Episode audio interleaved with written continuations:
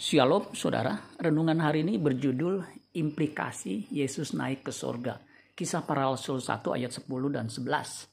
Ketika mereka sedang menatap ke langit waktu ia naik itu, tiba-tiba berdirilah dua orang yang berpakaian putih dekat mereka dan berkata kepada mereka, Hai orang-orang Galilea, mengapakah kamu berdiri melihat ke langit? Yesus ini yang terangkat ke surga meninggalkan kamu akan datang kembali dengan cara yang sama seperti kamu melihat dia naik ke sorga. Judul perikop yang kita baca di atas adalah Yesus terangkat ke sorga. Yesus naik ke sorga dengan cara yang sangat luar biasa. Disaksikan secara kasat mata oleh begitu banyak orang, termasuk murid-muridnya. Hal ini membuktikan bahwa Yesus adalah Tuhan yang mengatasi segala langit.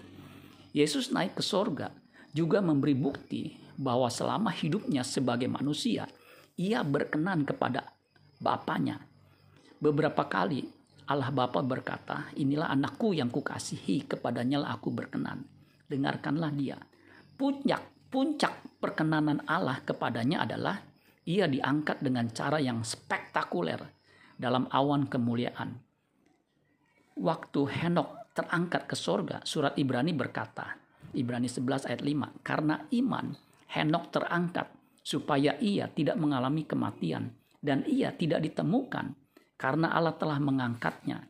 Sebab sebelum ia terangkat, ia memperoleh kesaksian bahwa ia berkenan kepada Allah. Ayat senada juga mengatakan karena kesalehannya, kesalahan Yesus, ia telah didengarkan.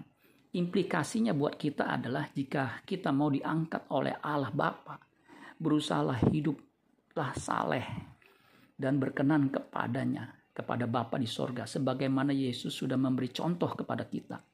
Hidup orang beriman harus berkenan kepada Bapa, Allah Bapa. Kita seperti Kristus.